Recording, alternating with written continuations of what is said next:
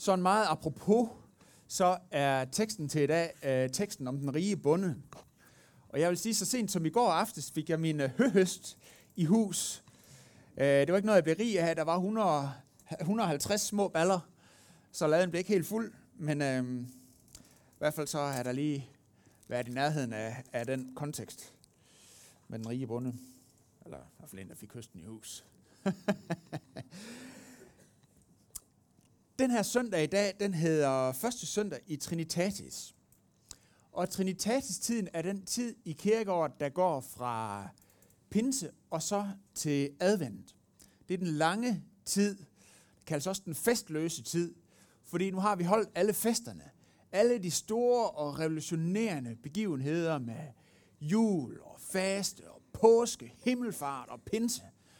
Og så kommer vi til Trinitatis-tiden. Og det er en mere rolig tid. Det er en væksttid. Det er en omsætningstid. Og øh, det kan jeg huske på, fordi at øh, kirkeåret er så pædagogisk indrettet, at de forskellige øh, højtider har fået farver. Og øh, trinitatistiden er grøn. Og som landmand, så ved man, det er sådan vækst, vækstfarven. Det passer godt til naturen også, det der. Så vi er i gang med en tid, hvor kristenlivet skal vokse og modnes. Og det havde jeg egentlig glædet mig til. Og så kom jeg skulle til at forberede søndagens prædiken.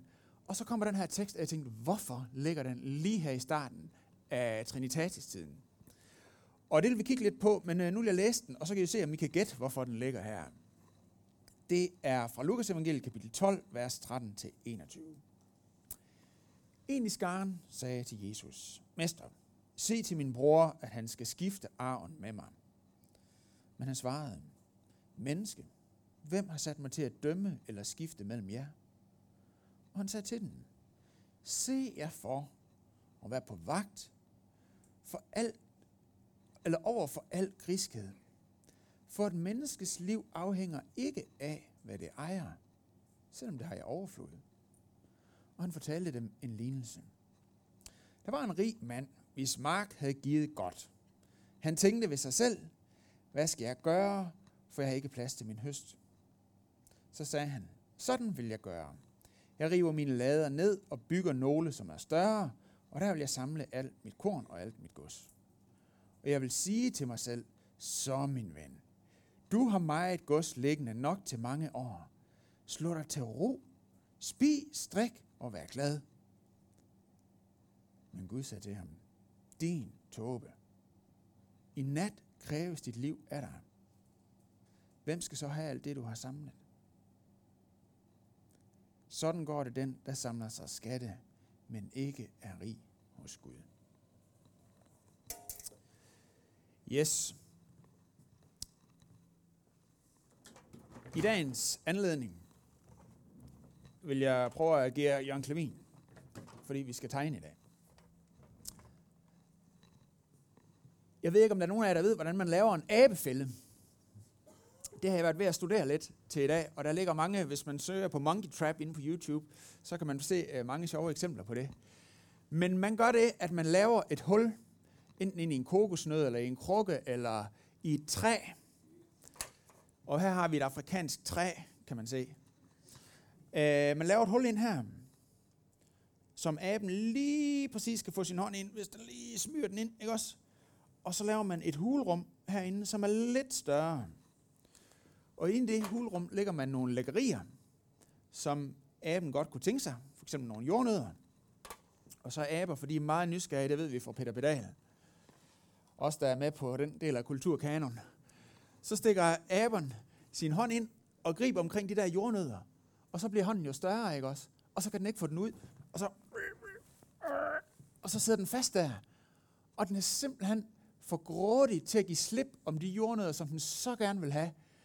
Så den holder fast om den, og så sidder den jo der, og så kan den, der vil fange aben, gå hen og lægge en lykke om hals på den, eller, eller hvad man nu vil. Fordi aben sidder fast.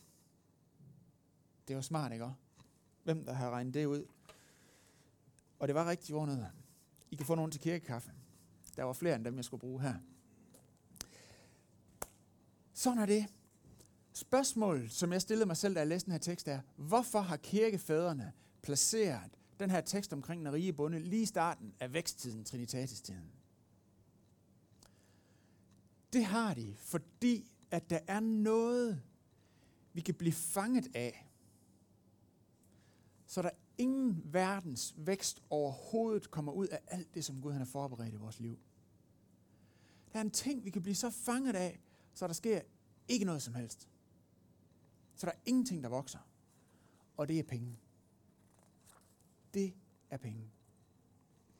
Og man kan sige, hey, så dumme er vi vel ikke. Altså, vi er jo ikke aber, vel? Altså, vi vil, øh, vi vil ikke gå i sådan en abefælde der, vel, så vi sidder fast der. Det kan vel ikke passe. En hver teenager ved vel også, hvis man hører ordet materialisme, at det har ligesom sådan en negativ valør over sig. Altså, det ved vi godt, ikke? Men prøv at se på de ord, som Jesus han bruger i dagens prædiketekst. Han siger, se jer for at være på vagt. Vers 15. Se jer for, for lige pludselig så er du gået i en fælde. Se dig for efter den fælde. Og vær på vagt, for lige pludselig så er der noget, der har bidt sig fast som du faktisk skal være på vagt over for, at det ikke, at det ikke bider sig fast. Og øh, jeg vil godt bekende og sige, at jeg kender til det her. Jeg kender til griskhed i mit liv. Jeg er grisk i min gamle natur. Så hvis I en dag skulle opleve mig som øh, gavmild, så kan I godt regne med det på grund af Jesus. Han har været i gang med noget. Men øh, jeg har et godt eksempel på det. Før vi flyttede her til Kolding, der havde vi et rigtig lækkert hus øh, op mellem Aarhus og Randers. Og øh, vi vidste, at det var en gave for Gud, og vi var, vi var faktisk meget taknemmelige for det, og vi havde sagt til Gud, tak Gud for den her gave, vi vil lægge den over til dig, og du må bruge den, hvad det vil, og når vi skal flytte en gang, så er vi klar til det. Men cirka hver andet år, så blev jeg opmærksom på, at jeg havde taget den gave tilbage. At jeg har sagt, haps Gud, den holder jeg lige for mig selv. It's my precious, som de siger der i Ringens Herre, ikke også? Det er mit hus. Det giver mig noget komfort, det giver mig en identitet, og det giver mig en sikkerhed. Det giver mig virkelig en komfort, fordi vi boede rigtig, rigtig godt og smukt. Og det giver mig en identitet, det siger mig noget om mig som mand, for jeg har selv bygget det. Og det giver mig en sikkerhed økonomisk at have det her hus. Så lige pludselig, så blev jeg flere gange over de år, vi boede i det hus, opmærksom på, at jeg havde sagt, hapskud.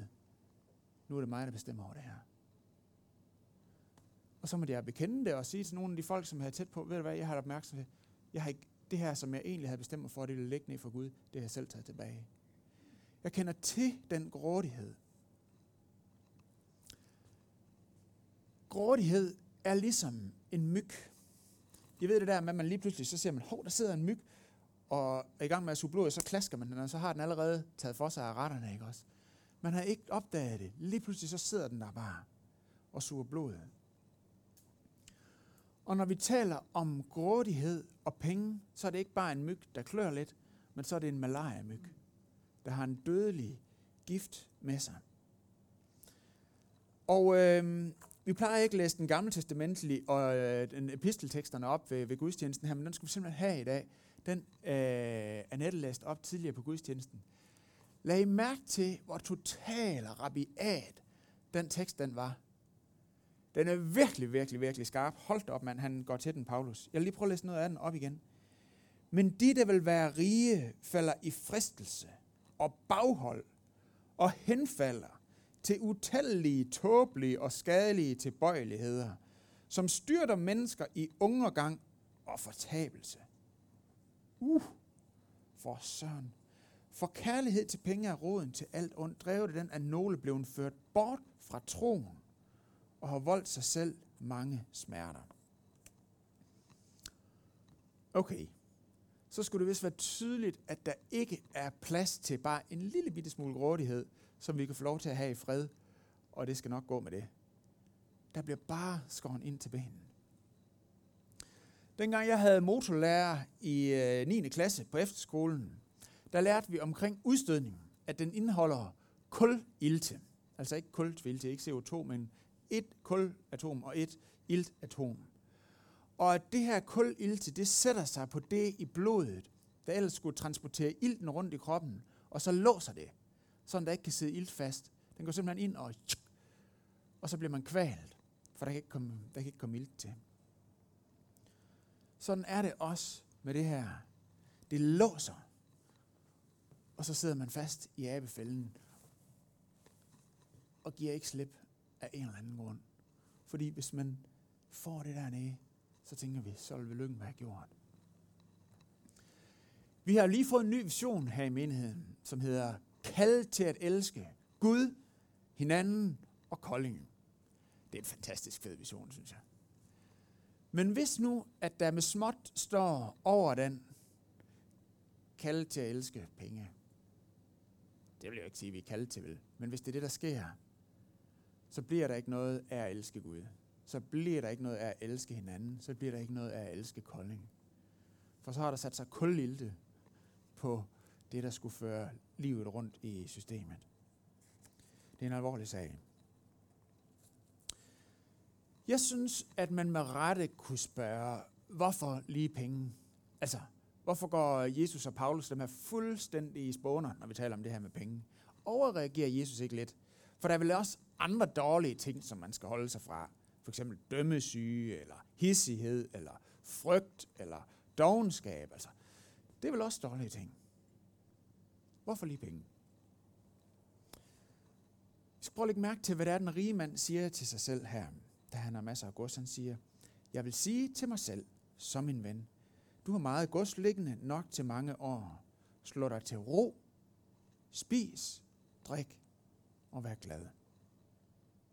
Slå dig til ro, spis, drik og vær glad. Alle mennesker, på trods af kultur, alder og tidspunkt i verdenshistorien, har et ønske om at have glæde i livet, har et ønske om ro, har et ønske om at være fri for bekymringer for det daglige brød. Glæde. At livet er godt og giver mening. Og ro, at man kan finde hvile og være fri for stress. Og selvfølgelig har vi det. Det er ikke en fejl, eller en eller anden øh, skidt tilbøjelighed. Det er godt, sådan har Gud skabt os. Selvfølgelig ønsker vi det, og Gud ønsker, at vi skal have de ting. Det er ikke problemet. Problemet er to ting. For det første, at siden syndefaldet, så er der kommet den programfejl ind i tilværelsen, at der lige pludselig eksisterer stress og sult og fortvivlelse. Så var det ikke meningen, det skulle være. Det er den ene fejl. Den anden fejl er, at vi siden syndefaldet har tænkt, at penge vil nok være løsningen på de her ting. Penge vil kunne løse de her ting for os, og de ting, vi kan købe for penge. Og alligevel så prøver vi på alle måder hektisk at fikse livet og få det til at hænge sammen. På trods af, at jeg tror, at vi alle sammen ved, at øh, det, man ærger sig over, hvis man ærger sig over noget på sit øh, dødsleje, vil aldrig være, at man øh, ikke fik tjent penge nok, eller, eller et eller andet. Det vil være nogle andre ting, som vi godt ved, det er det, vi vil ærge os over, når vi skulle gøre status, hvis der var noget, vi ville ærge os over. Det tror jeg godt, vi alle sammen ved. Og jeg kom til at tænke på den her sang, øh, den her gamle slager, her kommer motter med kost og spand, og vand, så bliver det, altså og så synger man i omkvædet, for tiden er så kort, og det kunne hende, du kom for sent, for sent til livets ende. Pludselig så handler det ikke længere bare om at få gjort rent, eller få mad på bordet, eller få tøj på kroppen. Lige pludselig så er der et eller andet, som er blevet eksistentielt i den her hektiske øh, øh, aktivitet. Noget, som livet nærmest drejer sig om. Kom for sent til livets ende. Lige pludselig så er der gjort et eller andet, at det handler ikke længere bare om at kunne få tingene til at hænge sammen. Men det handler om, om mit liv. Det handler om min fred. Det handler om min glæde. Det handler om... Og så er vi blevet stukken af malaria-myggen, uden at vi har opdaget det. Så har vi indåndet kulilten, uden at vi har opdaget det. Og så står vi med hånden i abefælden og kan ikke finde ud af at give slip igen.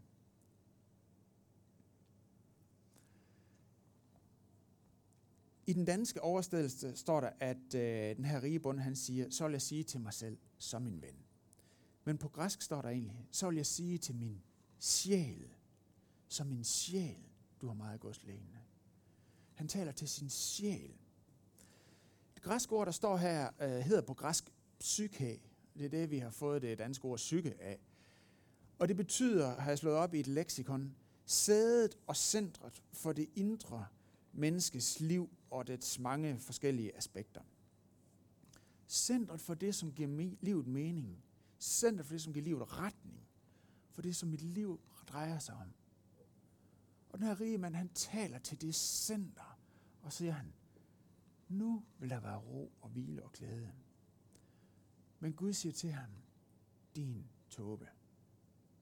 I nat kræves, og så står der på græsk, din sjæl er der. Gud siger til ham, du skulle have givet din sjæl til mig. Det er mig, der kan give dit liv mening. Det er mig, der skal have den plads og den opmærksomhed i dit liv. Og der er ingen, der som mig er optaget af og sørger for dig. Som er vildt optaget af, at du har det godt. Det er jo mig, der skal have din sjæl. Og så siger Jesus, din tåbe. Og jeg ved ikke, om det passer med det billede, vi har af Jesus, og hvad han kan finde på at sige. På dansk, der har den her lignelse fået overskriften Den rige bonde. Og det synes jeg lyder sådan meget idyllisk, sådan lidt kornfed bundemand med stråhat og græsstrå i munden. Men på engelsk, der har øh, lignelsen fået overskriften The Rich Fool. Den rige tåbe, det rige fjols. Og ordet på græsk taler om en, der mangler dømmekraft. En, som har været ligeglad og uopmærksom. Og der er meget her, som tyder på, at Jesus faktisk er vred og frustreret. Fordi det simpelthen har så store konsekvenser for os, hvordan vi forholder os til penge. Og den vrede, som han har her, springer ud af hans omsorg. Og det kan vi se, når vi læser stykket både før og efter prædiketeksten til i dag. Fordi Jesus han ved, at det her det skyldes en svaghed. Og han er så optaget af, at den svaghed ikke får lov til at køre med os. Han er så optaget af den omsorg, han har for os, han siger, nej, det er simpelthen ikke det. Det må ikke have lov til at ødelægge så meget i, i dit liv. Første stykke til i dag, der siger han, at vi ikke skal frygte menneskelig modstand, og han siger, prøv at lægge mærke til, at sælges ikke fem spurve for to skilling. Der var, jeg ved ikke, om det var, fordi der var mangel på kød, man begyndte at handle med spurve. Man siger, selv de der helt små dyr, dem må Gud omsorg for. Og på jer er ikke engang, eller ikke en af de her spurve er glemt af Gud, og så siger han, jeg selv alle jeres hovedhår har talt.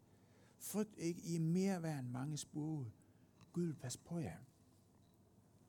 Og i stykket efter taler han om bekymring. Og han siger, vær ikke bekymret for livet, for hvordan I får noget at spise, eller for hvordan I får tøj på kroppen. Og så begynder Jesus at fortælle ham, prøv at se på ravnene. De bekymrer sig ikke for mad, for Gud giver dem mad. Og se på liljerne, se så smukt de står. Gud er optaget af, at de bliver klædt, så de ser smukke ud, så der bliver sørget for dem. Og spurgene taler Jesus også om. Og pointen er ikke, at Jesus han er i gang med at introducere en eller anden form for øh, romantisk naturmysticisme. Men han prøver simpelthen på at stimulere vores resonemang, vores overvejelse, vores eftertanke. Ved at sige, prøv at lægge mærke til ham. Prøv at gøre dig dine kalkulationer og se, når Gud er så optaget af sin skabning og giver gode gaver til spurgene, til, liljerne, han er så optaget af at sørge for at elske sin skabning. Hvor meget mere er han så ikke optaget af menneskebørnene, som er skabt i hans eget billede. En af vores danske salmedigtere, Ingemann, han siger, dog menneskenes børn har han allermest kær. Gud ånder på øjet, når det græder. Og det tragiske er, at ting som frygt og grådighed og bekymring, som kan være meget ubehagelige ting, og vi kan tænke, åh oh, nej, vi ønsker ikke at bekymre os eller frygte eller noget. Men grundlæggende så er det forskellige reaktioner på en mistillid til, at Gud har omsorg for os. Det er grundlæggende reaktioner på en mistillid til, at Gud har omsorg for os og vil sørge for os. Og det lyder hårdt, for det er ikke rart at bekymre sig, og man kan, hvad skal man gøre ved det? Det er tragisk, det her. Det er tragisk. Det er tragisk, når vi som kristne opfører os som forældreløse børn. børn, der, der er bange for at opleve svigt af en eller anden slags. Når vi nu har verdens allerbedste, allerkærligste og mest omsorgsfulde og allermest rige far, og så prøver på at beskytte os selv med grådighed. Jeg må holde på mit. Eller beskytte os selv ved at et eller andet. Det er smerteligt. Det er faktisk tragisk. Det er uskyndt. Hvad er pointen? Jeg vil starte med at skære det væk, som pointen ikke er. Pointen er ikke, at rigdom er ondt, og man skal skamme sig, hvis man har mange penge. Faktisk så er øh, Lukas, Lukas, evangelisten Lukas, som har skrevet Lukas evangeliet og apostlenes gerninger, dem, en af dem, som taler allermest om rigdom, har flest lignelser med omkring det, og refererer flest af Jesu udsagn omkring det. Og øh, han har rigtig mange rige med i sit evangelium. Der er i apostlenes gerninger den etiopiske skatmester, øh, en etiopiske hofmand, og der er Lydia, en forretningskvinde i, øh, i Filippi. Og Lukas evangeliet og apostlenes gerninger er dedikeret eller skrevet til en person, som hedder Theophilus, og som Lukas tiltaler med titlen Højt æret til Theophilus. Og den titel er ikke bare sådan noget, han sagde til Theophilus, fordi det var hans rigtig gode ven, og han satte stor pris på ham. Men det er faktisk en titel, som afspejler en placering inden for det romerske hierarki. Og for at man kunne blive tiltalt med den titel i Romeriet, så skulle man have en vis egenkapital op på et rigtig højt niveau. Det er blandt andet noget, som øh, vi kan se andre steder i Bibelen. Titus, nej, Festus og Felix, øh, som var romerske adelsmænd, der blev tiltalt på den måde. Så vi kunne forestille os, at når man blev tiltalt med højt ærede, så er det sådan noget, som man i det danske samfund vil tiltale øh, Mads McKinney med. Det er altså en rigtig rig mand. Og der står ikke noget om, altså Lukas problematiserer det ikke. Så rigdom er ikke ondt. Men rigdom er faktisk farligt. Det er svært at omgås, som nitroglycerin eller noget. Man skal virkelig være opmærksom på det. Jesus taler om, at en kamel går nemmere gennem en nåleøje, end en rig går ind i Guds rige. Men det er, ikke, det er ikke ondt i sig selv. Okay, hvis rigdom ikke er ondt, er pointen så, at fattigdom og mangel er godt ekstra front. Øh, en eller anden Nej, det er det heller ikke. Gud ønsker faktisk, at vi skal være rige. Der tales om en rigdom i stykket til i dag. Hvor Jesus han siger, sådan går det den, som samler sig skatte, men ikke er rig hos Gud. Rig hos Gud. Der er faktisk en rigdom. En rigdom, som Jesus ønsker, vi skal have han er ikke ude på, at vi skal, mm, så skal vi mangle, og så skal vi, nå, nu har jeg gjort det rigtigt, men det går nok også træls. Der er en oplevelse af rigdom, som han ønsker, vi skal have. Udfordringen med abekatten i abefælden er, at den ikke giver slip på de her jordnødder, fordi den tænker, det er det her, der kommer til at mætte mig. Det er det her, der er det spændende. Det er det her, der bliver det sjove og saftige, som jeg virkelig vil glæde mig over, hvis jeg får fat i. Og så, så sidder man der. Hvad er det, der kan få en abekat til at give slip på fem tørre jordnødder?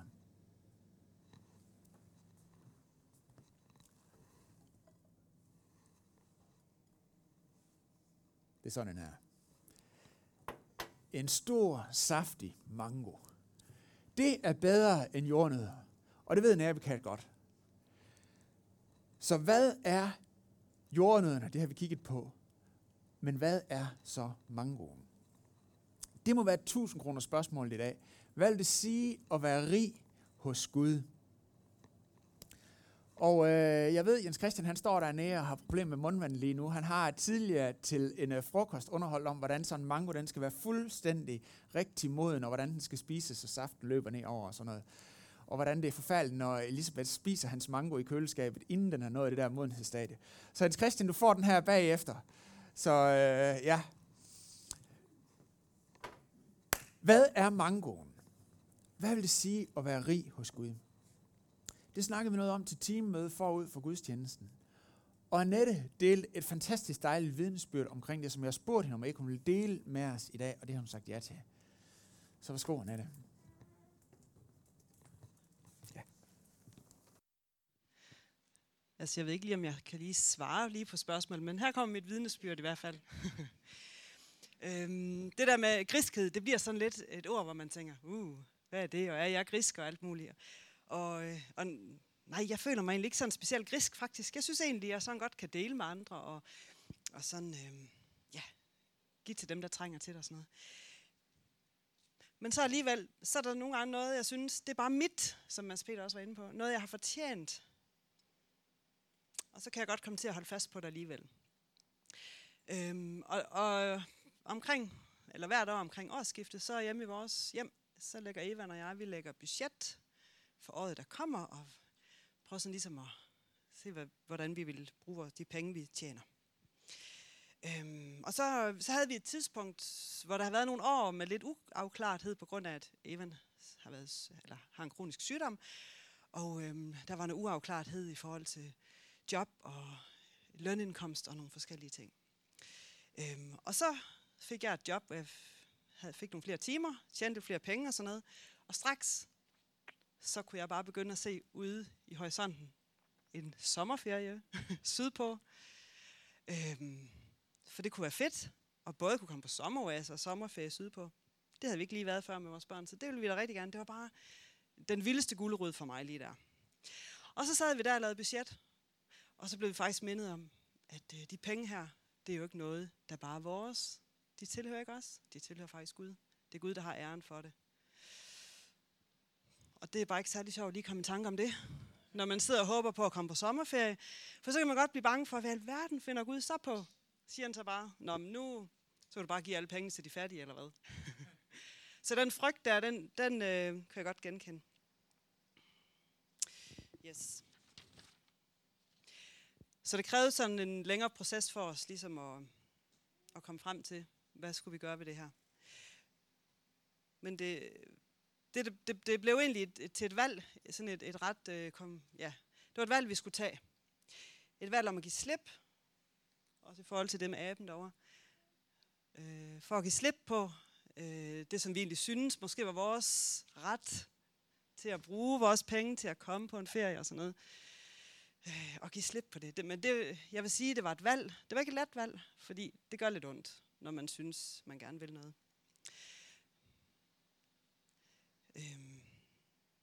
Og det var heller ikke sådan, at, at skriften den stod på væggen for os, og vi fik de vise sten fra Gud, og han sagde, I skal bruge jeres penge sådan, eller... Men vi oplevede egentlig det der i at give slip, at det kom til at give os en fred indeni. Øhm, og så lagde tingene sig sådan stille og roligt til rette for os, så vi kunne både komme på sommeroase og en tur sydpå, og fik nogle gode tilbud. Og, ja. Men det vigtigste i det her, det var, det var den fred, vi egentlig kom til at opleve, synes jeg, i, i de beslutninger, vi tog. Og øh, fordi vi lader over til Gud og gav ham råderet. Øh, og den erfaring i, at vi kan stole på Gud, og, og vi kan have tillid til Gud. Fordi han vil os faktisk det bedste. Ja. Og så faktisk også det der, den der krølle med, at Gud han lytter til os. Han, han er ikke ligeglad med, at vi faktisk også har nogle ønsker. Det lytter han faktisk også til. Det var også lidt fedt at opleve. Så vi kunne jo bare have valgt at tromle igennem med det, vi ville, og sige, at det er os. Vi har tjent de her penge, og vi gør det, fordi nu har vi råd og sådan noget. Men så, var det, så ville det vel egentlig blive til griskhed, tænker jeg. Det er vel der, griskheden lidt er. Øhm, så vi oplevede en, en velsignelse i at lægge det ud ned for Gud. Og så har jeg lige lyst til at, at læse et vers, som, øh, som vi kom til at snakke om, Evan og mig, her for nylig, der, der bare, øh, vi synes, der passer godt ind i den her sammenhæng. Og det står i, og det er glemt at skrive, Filipperbrevet 4.7, 6-7. Vær ikke bekymret for noget, men bring i alle forhold jeres ønsker frem for Gud i bøn og påkaldelse med tak. Og Guds fred, som overgår al forstand, vil bevare jeres hjerter og tanker i Kristus. Ja. Virkelig.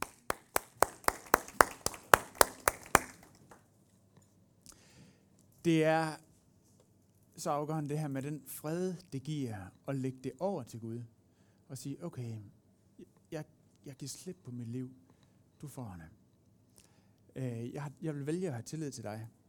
Jeg blev selv ret prøvet på det her i onsdags, hvor jeg havde sat og skrevet det her, øh, eller noget af det om formiddagen, og det her med at have tillid til Gud selv, når man står i bekymringer.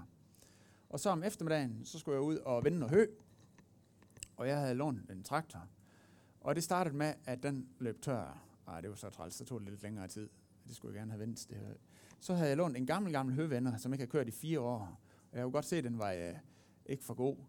Øh, og jeg ringede til ejeren og spurgte, hvordan den var ledes. Ja, men vi skulle bare prøve. Og så kørte jeg en omgang, så sprang remmen på den. Ah, så var den også ødelagt. Så ringede jeg til Benjamin, når som lige går ud, ja, men, øh, og spurgte, om jeg ville låne hans traktor. Det måtte jeg gerne. Og den havde jeg nemlig lånt dagen før. Og så kom jeg ud til den, og så ville den ikke starte. Og det var mig, der havde kørt med den sidst. Og så, nej, nej, nej. Og der var jeg godt nok ved at være ret træt af, for så havde jeg brugt fire timer på bøvlen. Og, øh, og, øh, og jeg kan godt lide tingene, de kører sådan nogenlunde. Så, øh, og så, øh, der, og så, så sagde jeg til Gud, jeg gik rundt derude i Benjamins maskine, og så sagde jeg, Gud, er det, er det virkelig rigtigt, at man skal bare holde det, det der med at stole på dig, og øh, ikke være bekymret og sådan noget. Og, øh, og jeg ringede til Allan, som jeg har hørt ud ved, og så snakkede vi lidt sammen. Og så sagde han, hey, prøv lige at vente, jeg ringer lige tilbage, sagde han. Og så var det fordi, hans na- Allans nabo var kommet gående forbi, som de boede ved siden af i fem år, og måske hilst på fem gange. Og nu er naboen så startet, standset op for at tale med Allan, og havde spurgt øh, ham, hvad, du står vel ikke og mangler en høvenner? Og så han, jo, det... Og så kørte vi over og så på den der høvenner. Og det var faktisk en ret fin en, sådan en, som jeg gerne lige vil have. Og jeg synes, den er sådan 3.000 kroner værd. Så spurgte jeg, hvad skal du have for den? Ah, det er bare 500, sagde han så. Så hvis det var, åh, der var et eller andet, som Gud han ville prøve at sige til mig i det her. Og, øh, og fordi at jeg havde givet slip på det og lagt det over til Gud, så kunne jeg bare, ja, være glad for det og tage imod af det. Så det var lige en helt ny, øh, eller du frisk oplevelse af det. Spørgsmål og udfordringen er, hvordan er det, vi giver slip på vores tørre jordnødder og får lov til at spise mango i stedet for? Hvordan er det, vi kan slippe vores griskhed og vores rigdom og give slip på det, og i stedet for at sole os i rigdommen hos Gud?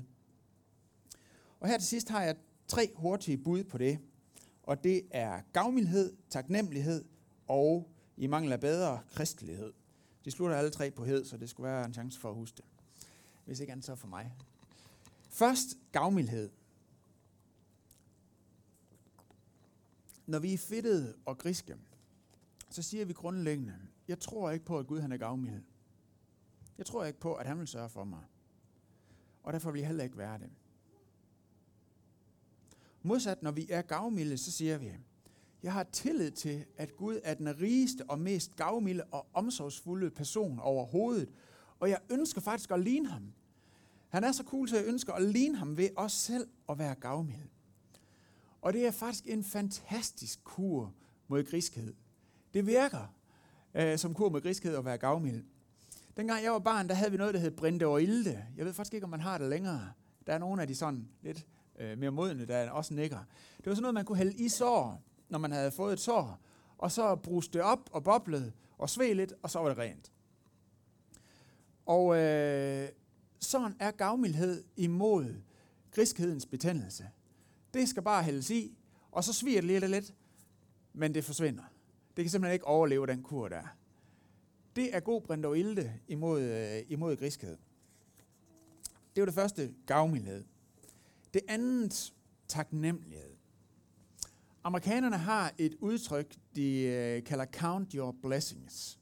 Tæl dine velsignelser. Når jeg putter vores børn om aftenen, så spørger jeg dem, øh, eller så siger jeg til dem, nævn lige tre øh, gode ting ved dagen i dag.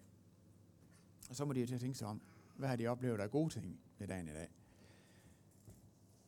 Fordi når vi tæller vores velsignelser, når vi tæller de gaver, vi har fået, så giver det et naturligt fokus på, at der er en, der har givet mig noget. Der er en, der har velsignet mig. Der er en, der har gjort noget godt for mig i dag. Så flyttes fokus fra gaven til giveren, til vores far i himlen. Jeg lærte for mange år siden et udtryk af en amerikansk præst, der hedder Bill Hybels fra Willow Creek. Og det er udtrykket Guds nuværende forsørgelsesniveau. Ben og jeg har prøvet både at have mangler, og ved ikke, ikke vidst, hvordan vi skulle få tingene til at hænge sammen. Og vi har prøvet at have i overfloden. Så er bare den, at Gud sørger for os på forskellige niveauer. Men han er hele tiden vores forsørger. Og det at takke ham for vores nuværende forsørgelsesniveau, det er med til at skabe taknemmelighed i vores liv. Paulus siger i samme kapitel som det, som Annette er citeret for, tak under alle forhold. Og forskning, nyere forskning har faktisk vist, at taknemmelighed ændrer vores hjerne. Den ændrer den måde, signalerne render rundt på i vores hjerne. Når vi siger tak, det ændrer vores tankemønstre. Så også øh, moderne forskning har dokumenteret, at man kan blive helbredt for griskhed og få taknemmelighed ind i stedet for. Og er du kristen, så har du også helligånden i ryggen i den sammenhæng der. Så der er håb. Så den tredje ting og sidste ting. Kristelighed. Det var det bedste ord, jeg kunne finde på. Jesus han siger gentagende gange i evangelierne, søg først Guds rige, og så skal alt andet nok give sig til gift. Søg først det. Hav først fokus på det. Lad det være det, I er optaget. Det, I går efter. Det betyder at være optaget af det, der ligger Gud på hjertet.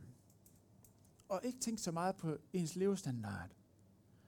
Hvis levestandarden, det er bare det, nogle gange det standard, man lever efter, og ikke det, som livet afhænger af. Hvis penge, så bliver penge bare penge. Så bliver ting bare ting. I stedet for det, som vi forventer os alt muligt af. Selvfølgelig skal vi være ansvarlige med vores økonomi og lægge budgetter. Det synes jeg, det er en øh, god øh, ting at gøre. Man skal som kristen, så skal man jo også børste sine tænder, selvom Gud kan skabe øh, friske tænder i munden på en hver gang de rådner. Selvfølgelig skal vi børste vores tænder. Selvfølgelig skal man være ansvarlig med sin økonomi.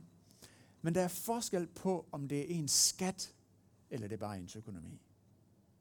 Der er en kæmpe forskel. Hvil glad i tillid til Gud og brug din passion på hans rige. Det er nemlig både sjovere og rigere og mere glædesfyldt end noget, som penge nogensinde vil kunne give dig. Det er mangoen. Du er ikke skabt til at sidde i en abefælde for at håbe på den glæde, som tre tørre jordnødder vil kunne give dig. Du er skabt til at leve i rigdom som Guds barn, i rigdommen fra Gud. Lad os rejse os op.